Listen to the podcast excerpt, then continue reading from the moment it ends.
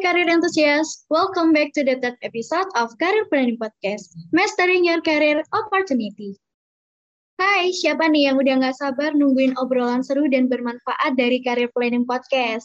Jangan khawatir ya guys, karena kita selalu setia hadir untuk mengisi waktu dan menambah wawasan karir entusias di tengah liburan semester kali ini. Jadi, uh, buat seluruh karir entusias di mana pun kalian berada, Make sure buat selalu stay tune episode podcast kali ini dari awal sampai akhir acara podcast nanti. Eits, belum ngobrol lebih jauh nih, masa sih kita nggak kenal satu sama lain ya kan? So, hai career enthusiast, kenalin aku Marcelia De Silva yang akan memandu acara hari ini mulai dari awal hingga akhir acara nanti. By the way, kalian udah pada tahu belum guys, apa sih itu career planning? Nah, khusus buat seluruh karir entusias nih, aku bakal jelasin singkat tentang karir planning. Jadi, karir planning ini merupakan event yang diadakan oleh Human Capital Department of HMJM FEBUB yang bahas tentang problematika dan lika-liku dunia karir. Buat kalian yang mau tahu lebih jelas, jangan lupa buat follow dan kepoin at Career Planning 21. Thank you! By the way, kira-kira hari ini aku bakal ditemenin ngobrol sama siapa ya guys? Karena dua episode lalu udah ada nih pemateri yang super keren banget. Nah, pastinya hari ini pemateri kita juga nggak nggak kalah kerennya dong ya. Langsung kita sambut aja kali ya. Halo Karima. Halo semuanya, kenalin, aku Farima Ista dari Hubungan Internasional 2019. Jadi udah gak sabar banget nih buat sharing banyak pengalaman buat teman-teman semua. Wah, keren banget. Aku juga nggak sabar nih ya, Kak, buat uh, sharing-sharing sama Karima tentang dunia karir nih sama teman-teman karir entusias. Nah, ini dia teman-teman Karima. Jadi Karima ini adalah seorang mahasiswa Universitas Brawijaya juga loh, tepatnya dari jurusan Hubungan Internasional angkatan 2019. Meskipun Karima ini masih mahasiswa nih teman-teman, tapi prestasinya udah pasti jangan diraguin ya karena Karima ini merupakan Purna Paskibra Indonesia Kota Batu 2017 Nimas Kota Batu 2018, Duta Lalu Lintas 2019, Raka Raki Jawa Timur 2020, dan Duta Bahasa Jawa Timur 2020. Wow, keren banget Kak, banyak banget pengalaman dan prestasinya. Gimana nih kabarnya Kak? Liburan gini lagi sibuk ngapain aja tuh? Alhamdulillah baik banget. Uh, Rima akhir-akhir itu lagi sibuk Alhamdulillah diamanahkan untuk menjadi asisten dosen penelitian. Jadi lagi sibuk-sibuknya nih buat ngurus pengabdian bulan depan. Terus uh, ada juga beberapa event dari pageant-pageant gitu, dari dunia pageant, dari duta-dutaan, yang uh, sebentar lagi bakalan lengser. Jadi kayak lagi sibuk mempersiapkan buat pemilihan nanti. Itu sih yang garis besarnya akhir-akhir ini banyak aku lakuin. Oke, meskipun liburan kayak gini masih tetap produktif banget ya kak ya. Nah, kalau kita ngomongin tentang karir plan nih Kak, sebenarnya uh, apa benar kalau personal branding itu cukup mengambil peran dalam pengaruhnya ke plan karir path kita di masa depan Kak? Menurut Rima penting banget ya dan itu sangat mempengaruhi banget karena bisa kita lihat sebenarnya makna dari personal branding ini dalam bahasa Indonesia adalah penjenamaan diri gitu.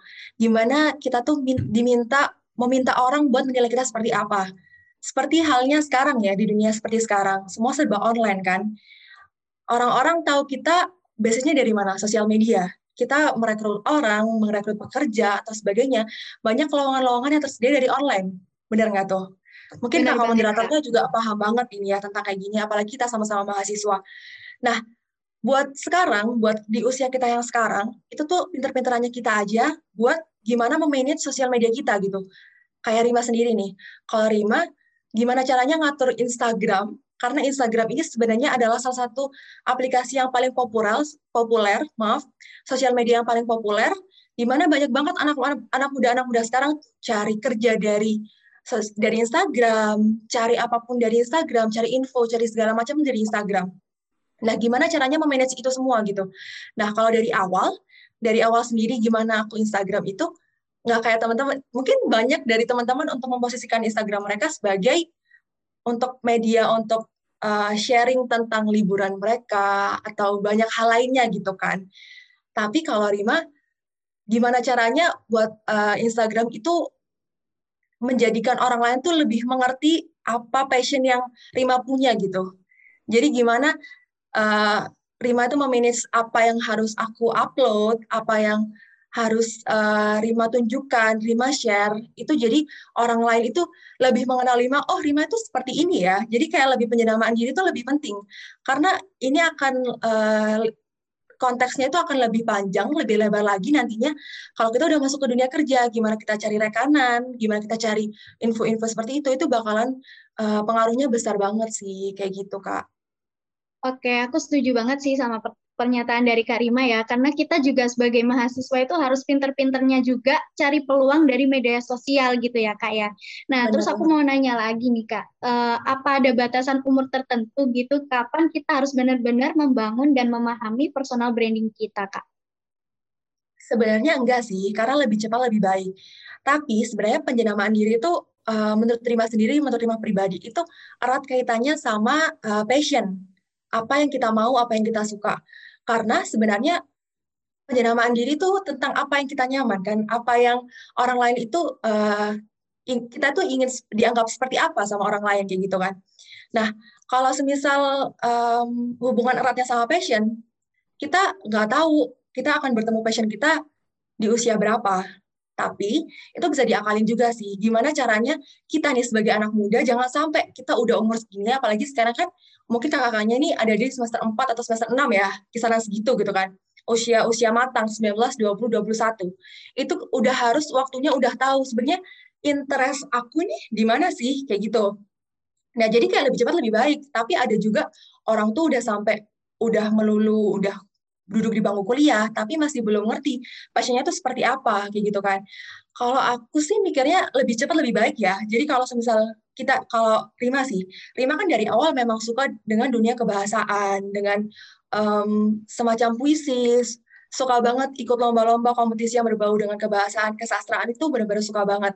Nah, uh, Rima menemukan jati diri Rima itu, passion yang ada di diri Rima itu ada di kelas kita kan duduk di bangku SMP.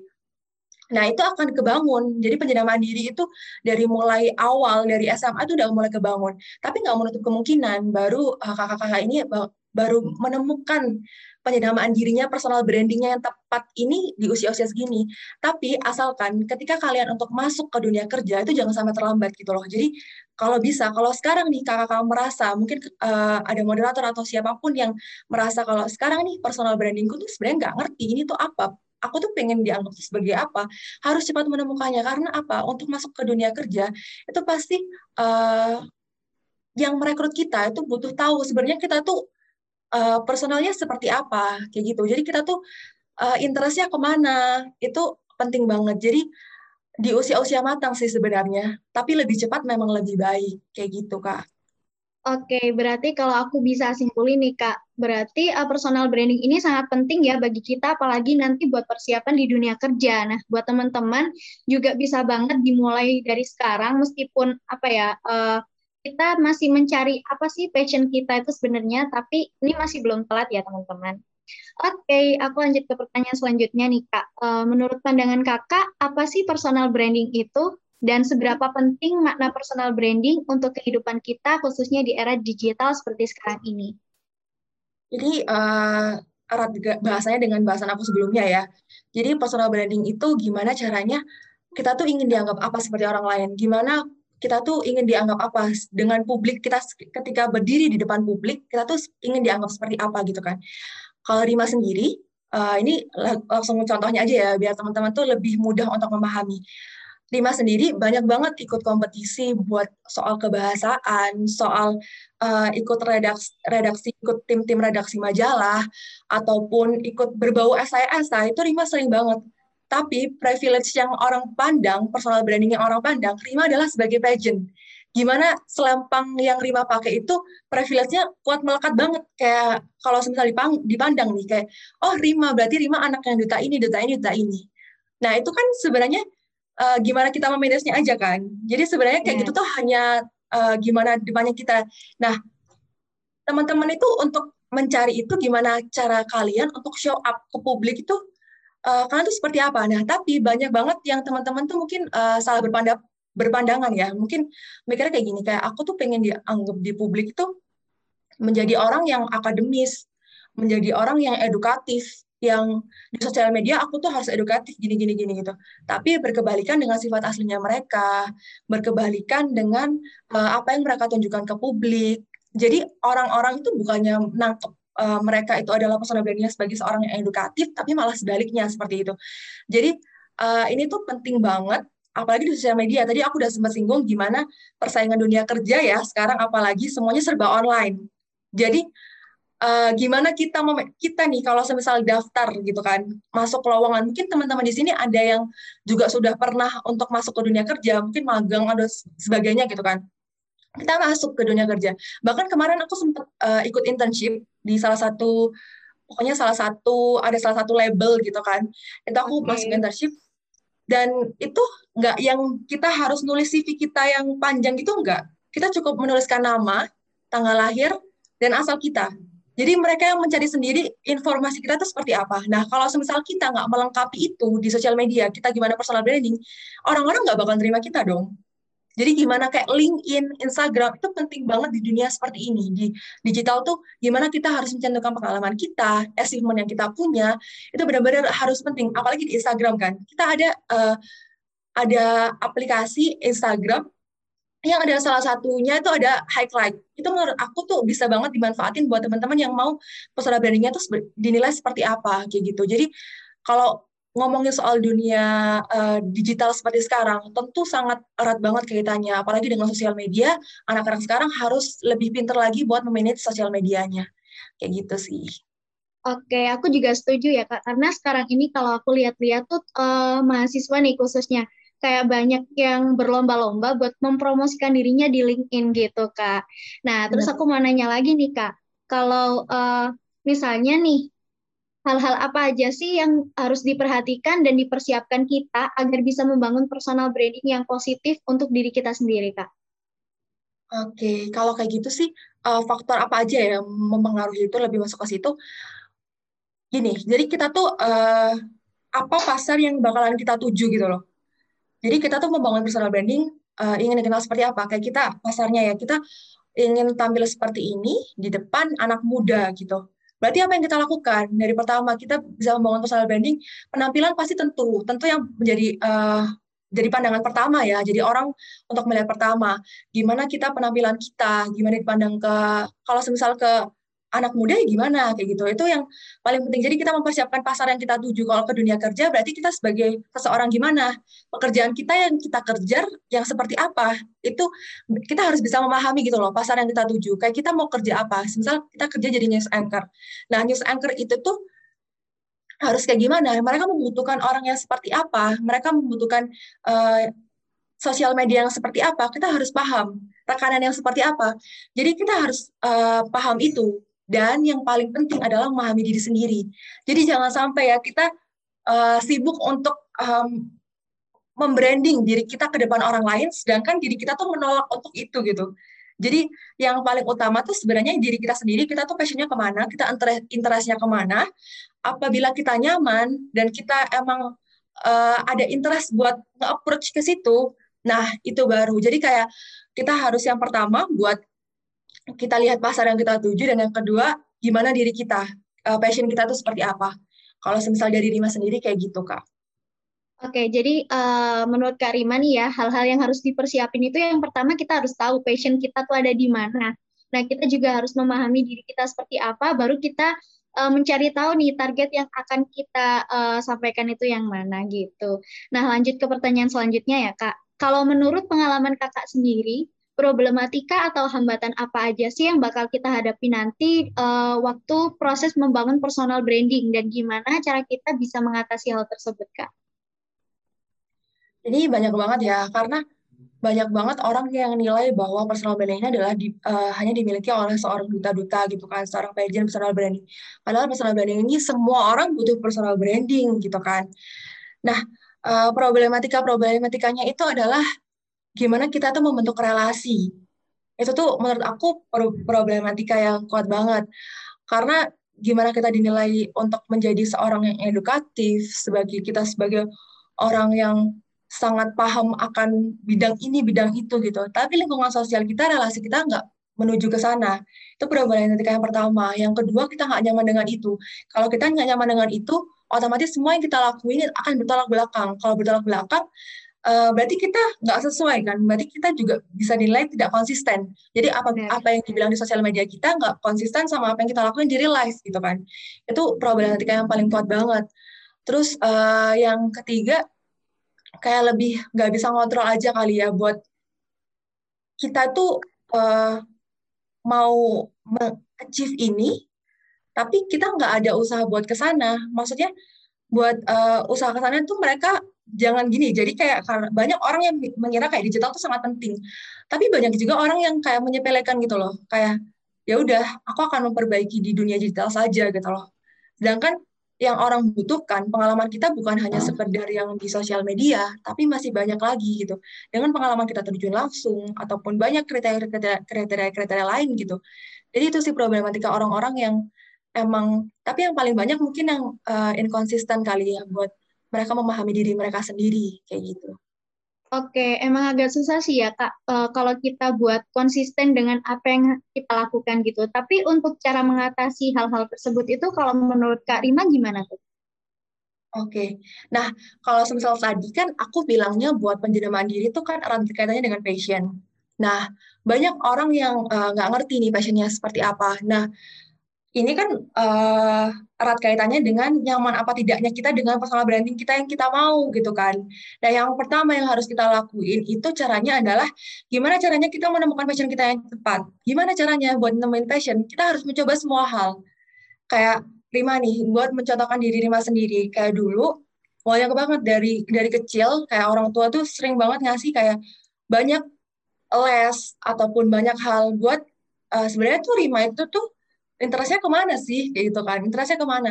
Banyak banget. Jadi kayak mulai dari nari les nari les olahraga dari renang. Terus banyak lagi kan kayak anak kecil tuh gimana sih? Kayak bukan hanya pelajaran jadi kayak otak kanan dan otak kiri gitu. Jadi kayak semua hal dicoba. Nah pada akhirnya semakin dewasa anak itu semakin dewasa juga kita bakalan bisa memilih nih dan memilih dan memilah. Sebenarnya aktivitas apa sih yang sebenarnya Rima nyaman oh yang Rima nyaman tuh yang ini yang bakal diterusin. Oh yang ini nggak nyaman nggak bakal diterusin. Nah itu tuh sebenarnya untuk kita tahu diri kita tahu passion kita itu nantinya buat uh, itu akan uh, meminimalisir res, dari kemungkinan-kemungkinan problematika yang terjadi saat kita buat berusaha konsisten di personal branding yang kita mau. Kayak gitu. Oke, jadi intinya jangan ini ya Kak, jangan takut untuk mencoba hal-hal baru buat kita biar tahu apa sih passion yang kita miliki gitu. Nah, um, kalau dari pengalamannya Kak Rima sendiri nih ya, kan pasti banyak juga yang orang-orang itu pengen banget memiliki personal branding yang positif gitu Kak. Nah, apa ada sih Kak hal-hal yang dapat merusak personal branding kita yang mungkin udah kita bangun nih sejak lama gitu Kak? Sebenarnya itu soal uh, perlakuan sosial aja. Jadi gimana kita tuh uh, kita tuh berusaha membangun personal branding ini gitu kan. Jangan sampai kita nodai itu. Mungkin banyak banget orang-orang yang ingin dinilai sebagai baik. Bahkan seorang uh, label duta aja bisa merusak personal brandingnya mereka sendiri gitu loh. Mereka sebenarnya gini, simple aja sih mereka gimana eh, nggak uh, usah ngomongin muluk-muluk personal branding. Kita lihat kayak foto-foto kita di Instagram, orang lihat seperti apa. Mungkin dengan gaya kita yang kalem atau semacamnya gitu kan. Nah, pas ketemu ini berbeda kepribadian gitu kan. Itu orang sudah bisa beranggapan lain kan. Maksudnya kayak oh, dia kayak gini ya ternyata dia bisa bisa dibilang kayak nyinyir gitu kan. Eh jangan salah ya nyinyir udah masuk di kamus besar bahasa Indonesia. Jadi nyinyir itu bisa bisa kita masukkan ke dalam uh, topik-topik seperti ini gitu kan. Nyinyir bisa bisa nyinyir gitu kan. Ih dia tuh kayak gini ya. Itu tuh sebenarnya hal-hal yang simple tapi sebenarnya juga bisa merusak citra kita di depan publik gitu loh. Jadi sebenarnya gimana kita untuk melakukan perlakuan sosial aja sih dan konsisten gimana caranya tuh apa yang kita mau sih apa yang kita yang kita bakalan approach itu apa sih? Oh ini gitu jadi ya udah kita berusaha buat itu, kita benar-benar kayak hindari aja kayak perbuatan-perbuatan kita yang negatif-negatif kayak gitu aja sih. Sebenarnya kalau soal personal branding sih gimana kita cara nge-manage diri kita sendiri aja dengan perlakuan-perlakuan itu tadi kayak gitu. Oke, nah kalau untuk membangun personal branding sendiri itu kan ya kak, yang kita inginkan itu kayak gimana? Gimana sih caranya kita buat kayak uh, menjaga personal branding kita itu tetap konsisten seperti yang kakak bilang tadi, gitu kak? Tentunya dengan hal-hal yang mendukung personal branding yang kita mau gitu kan. Kalau yang pertama, uh, Rima tuh menemukan passion Rima di dunia puisi dan kesastraan ada di bangku SMP. Dari Rima paham itu. Nah, selanjutnya Rima awalnya dari di umur 16 tahun bergabung di Kamas Dimas Kota Batu. Nah, setelah itu baru nih baru ngerasa nih kayak di kan udah sering tuh walaupun uh, sekolah disambi dengan kegiatan-kegiatan seperti itu sering banget udah ikut kayak kompetisi lomba dan, dan segala macamnya kayak gitu kan. Nah baru ngerasa kan kayak dengan hidup aku yang seperti ini dengan uh, tapi Rima tuh pengen gitu loh, orang-orang tuh lebih mengerti karya gitu, karya yang Rima punya. Karena orang tuh hanya mengerti privilege Rima tuh sebagai duta, sebagai duta wisata gitu kan.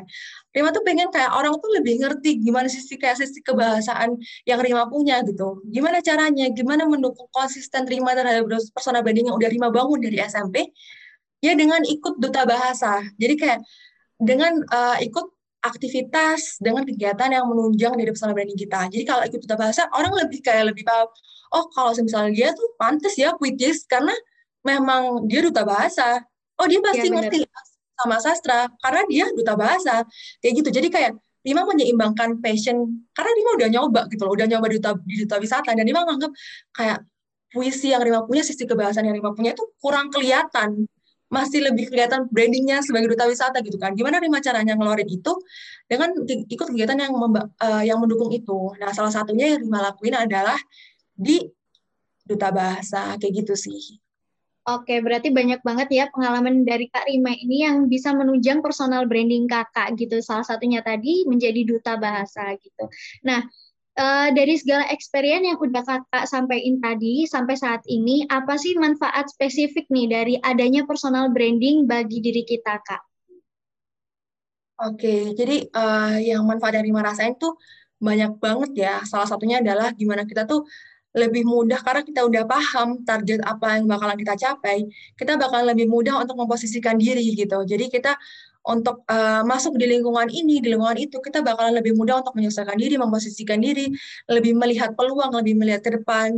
Itu kita lebih bisa untuk uh, bisa dipaksa untuk adaptif. Tapi bukan hanya dipaksa sih, uh, akan kemudian berlanjut kita akan langsung menyelesaikan diri tanpa perlu dipaksa kayak gitu. Jadi itu rasa uh, keuntungan yang paling dalam yang Rima rasain dan juga uh, gimana kita lebih memahami diri kita sendiri terus kita juga lebih mudah buat menyasar banyak hal gitu kan. Kita bukan hanya soal prestasi tapi di dunia kerja gitu kan. Apalagi kita butuh yang namanya CV jadi uh, di situ ada kegiatan-kegiatan kita yang mendukung itu untuk masuk uh, kita mau jadi ini gitu. Itu bakalan masuk banget. Jadi itu manfaat yang benar-benar Rima rasain. Kayak gitu sih Oke, nah berarti kalau menurut Kak Rima sendiri CV ini juga sangat penting gitu ya Kak ya, buat diri kita uh, memper apa ya namanya, membrandingkan diri kita sendiri gitu ya. ke dunia kerja nantinya. Oke, mungkin terakhir nih Kak, kalau boleh, kalau boleh nih, bisa Kak Rima kasih tips and trick atau pesan gitu buat teman-teman karir entusias dalam membangun personal branding yang baik, khususnya di era yang serba digital seperti sekarang ini. Uh, yang pertama, membenahi diri sendiri dulu kali ya, untuk membenahi gimana caranya kalian itu untuk uh, improve, mengimprove diri kalian, mengimprove skill, skill kalian, kayak gitu. Nah, tadi aku sempat singgung uh, masalah CV, tapi kalau urusan CV, kalian tuh harus juga untuk memperbanyak pengalaman, tapi nggak juga nggak juga kalian di situ CV kan juga bukan hanya kalian menulis uh, asal kan, itu juga ditunjang dengan sertifikat yang kalian punya gitu. Jadi CV itu uh, pergunakan dengan baik. Jadi kayak CV itu jadikanlah acuan buat uh, teman-teman semua, buat uh, cari buat kegiatan yang bermanfaat, buat mengisi waktu. Apalagi liburan ya, sekarang banyak ya. internship ya. yang buka. Terus uh, banyak banget skill-skill yang mungkin bisa kayak TOEFL, tes TOEFL, gimana cara peningkatannya dari semester lalu sampai sekarang. Terus juga tes IT, IT tes juga ada ya kan. Terus banyak apalagi sekarang di dunia digital penting banget kan yang namanya penguasaan IT tuh benar-benar kayak yang jadi pokok banget. Bagi skill editing sekarang, skill editing tuh sekarang yang lagi banyak banget dicari di dunia yang sekarang ini. Nah, itu bisa juga, jadi teman-teman boleh cari-cari referensi gimana uh, dunia sekarang tuh lagi membutuhkan uh, tipikal personal brandingnya seperti apa. Terus kalian juga bisa mengusahakannya. Gimana caranya kalian tuh bisa istilahnya bisa mampu bersaing gitu mampu bersaing di sekarang tuh kayak gimana jadi personal branding seperti apa yang edukatif bukan hanya remaja yang uh, karena kelebihan di dunia akademik saja itu nggak cukup. Di dunia sekarang tuh nggak cukup. Harus ditunjang nama minimal dengan public speaking. Public speaking harus juga baik teman-teman. Personal branding yang baik harus ditunjang dengan public speaking yang baik. Nggak boleh uh, apa namanya kalian hanya punya kemampuan dalam, tapi gimana cara kalian public speaking? Nggak eh, nggak bisa nih. Karena kalian buat masuk ke dunia kerja pasti melalui tes yang namanya tes tahap interview, tes wawancara itu pasti penting banget. Jadi kalian harus uh, pinter-pinter jadi anak muda yang emang rajin nih buat ngontrol gimana dunia sekarang, membutuhkan orang yang seperti apa, pahami diri kalian, temukan passion kalian dan juga kembangkan passion kalian. Itu sih. Oke, gitu ya teman-teman karir entusias. Jadi tips and trick dari Kak Rima ini bisa banget kalian terapin di dunia yang serba digital sekarang. Nah, kalau boleh aku simpulin lagi nih Kak ya, dari um, obrolan seru kita hari ini di podcast episode 3 nih ya, uh, kita itu untuk menjalin atau membuka personal branding kita itu nggak ada batasan umur ya Kak, tadi ya Kak ya. Jadi lebih cepat, lebih baik nih teman-teman. Terus untuk problem dari personal branding sendiri, itu ada menjalin relasi yang uh, ya cukup susah sih kalau menurut aku. Nah, nggak terus ada juga nih karena adanya ketidaknyamanan dengan hal-hal yang kita lakuin mungkin dari hal-hal tersebut itu nggak sesuai sama passion yang kita miliki. Nah, selain itu juga ada nggak bisa uh, ngontrol usaha yang udah kita jalanin. Kayak contohnya kita nggak konsisten dengan apa yang udah kita mulai nih. Contohnya kayak kalau Karima tadi kan um, merupakan duta bahasa ya kak. Jadi kalau uh, problemnya sendiri mungkin kita nggak konsisten dengan apa yang udah kita mulai gitu. Tapi di sini juga udah dijelasin sama Kak Rima cara-cara buat kita tidak meru tidak merusak dari personal branding kita yaitu dengan memperlakukan sosial media sebaik mungkin. Setelah itu juga kita harus membenahi diri, terus improve skill yang kita miliki, memperbanyak pengalaman dan menjadikan CV itu sebagai acuan buat kegiatan kita uh, untuk menjadi kegiatan yang sangat bermanfaat gitu. Bener nggak tuh Kak? Bener banget. Pokoknya intinya percaya diri, semangat, uh, terus manfaatkan waktu itu aja sih manfaatkan peluang Oke, nah nggak kerasa nih kak, ternyata kita udah udah ada di penghujung podcast episode ketiga kali ini. Padahal udah asik banget kan tadi kita ngobrolin tentang personal branding bareng Kak Rima. Nah, gimana nih teman-teman karir entusias? Obrolan kita hari ini seru banget kan? Bener-bener nambah wawasan dan jadi ngebuka mata dan pikiran kita nih. Kalau ternyata membangun personal branding itu sangat penting sekali, apalagi di era yang serba digital seperti sekarang ini. Aku mau ngucapin terima kasih nih bu, banyak buat Kak Rima yang udah bersedia nemenin aku hari ini buat ngobrol bareng dan bagi-bagi pengalaman, bagi-bagi ilmu buat teman-teman kar karir entusias di rumah. Semoga dapat bermanfaat ya guys. Amin. Nah, semangat terus ya Kak buat kuliahnya dan kesibukan-kesibukan lainnya. Semoga lancar terus. Stay safe dan stay healthy. Terima kasih Kak Rima. Terima kasih juga. Nah, mungkin cukup dulu ya karir entusias buat podcast hari ini. Makasih banyak karena teman-teman udah setia buat dengerin dari awal sampai akhir podcast hari ini. Aku juga mau ngingetin lagi buat jangan lupa follow dan kepoin sosial media Karir Planning 2021 di IG-nya Karir Planning 21 untuk bisa tahu nih lebih lanjut tentang lika-liku dunia karir. Sedih banget nggak sih guys, ternyata hari ini merupakan episode terakhir dari podcast Karir Planning. Dan uh, jangan lupa buat teman-teman terus pantengin ya puncak acara Karir Planning yang pastinya nggak kalah seru dengan pemateri yang lebih asik lagi. Oke, okay. aku Marcelia pamit undur diri dan see you on the next time and bye-bye.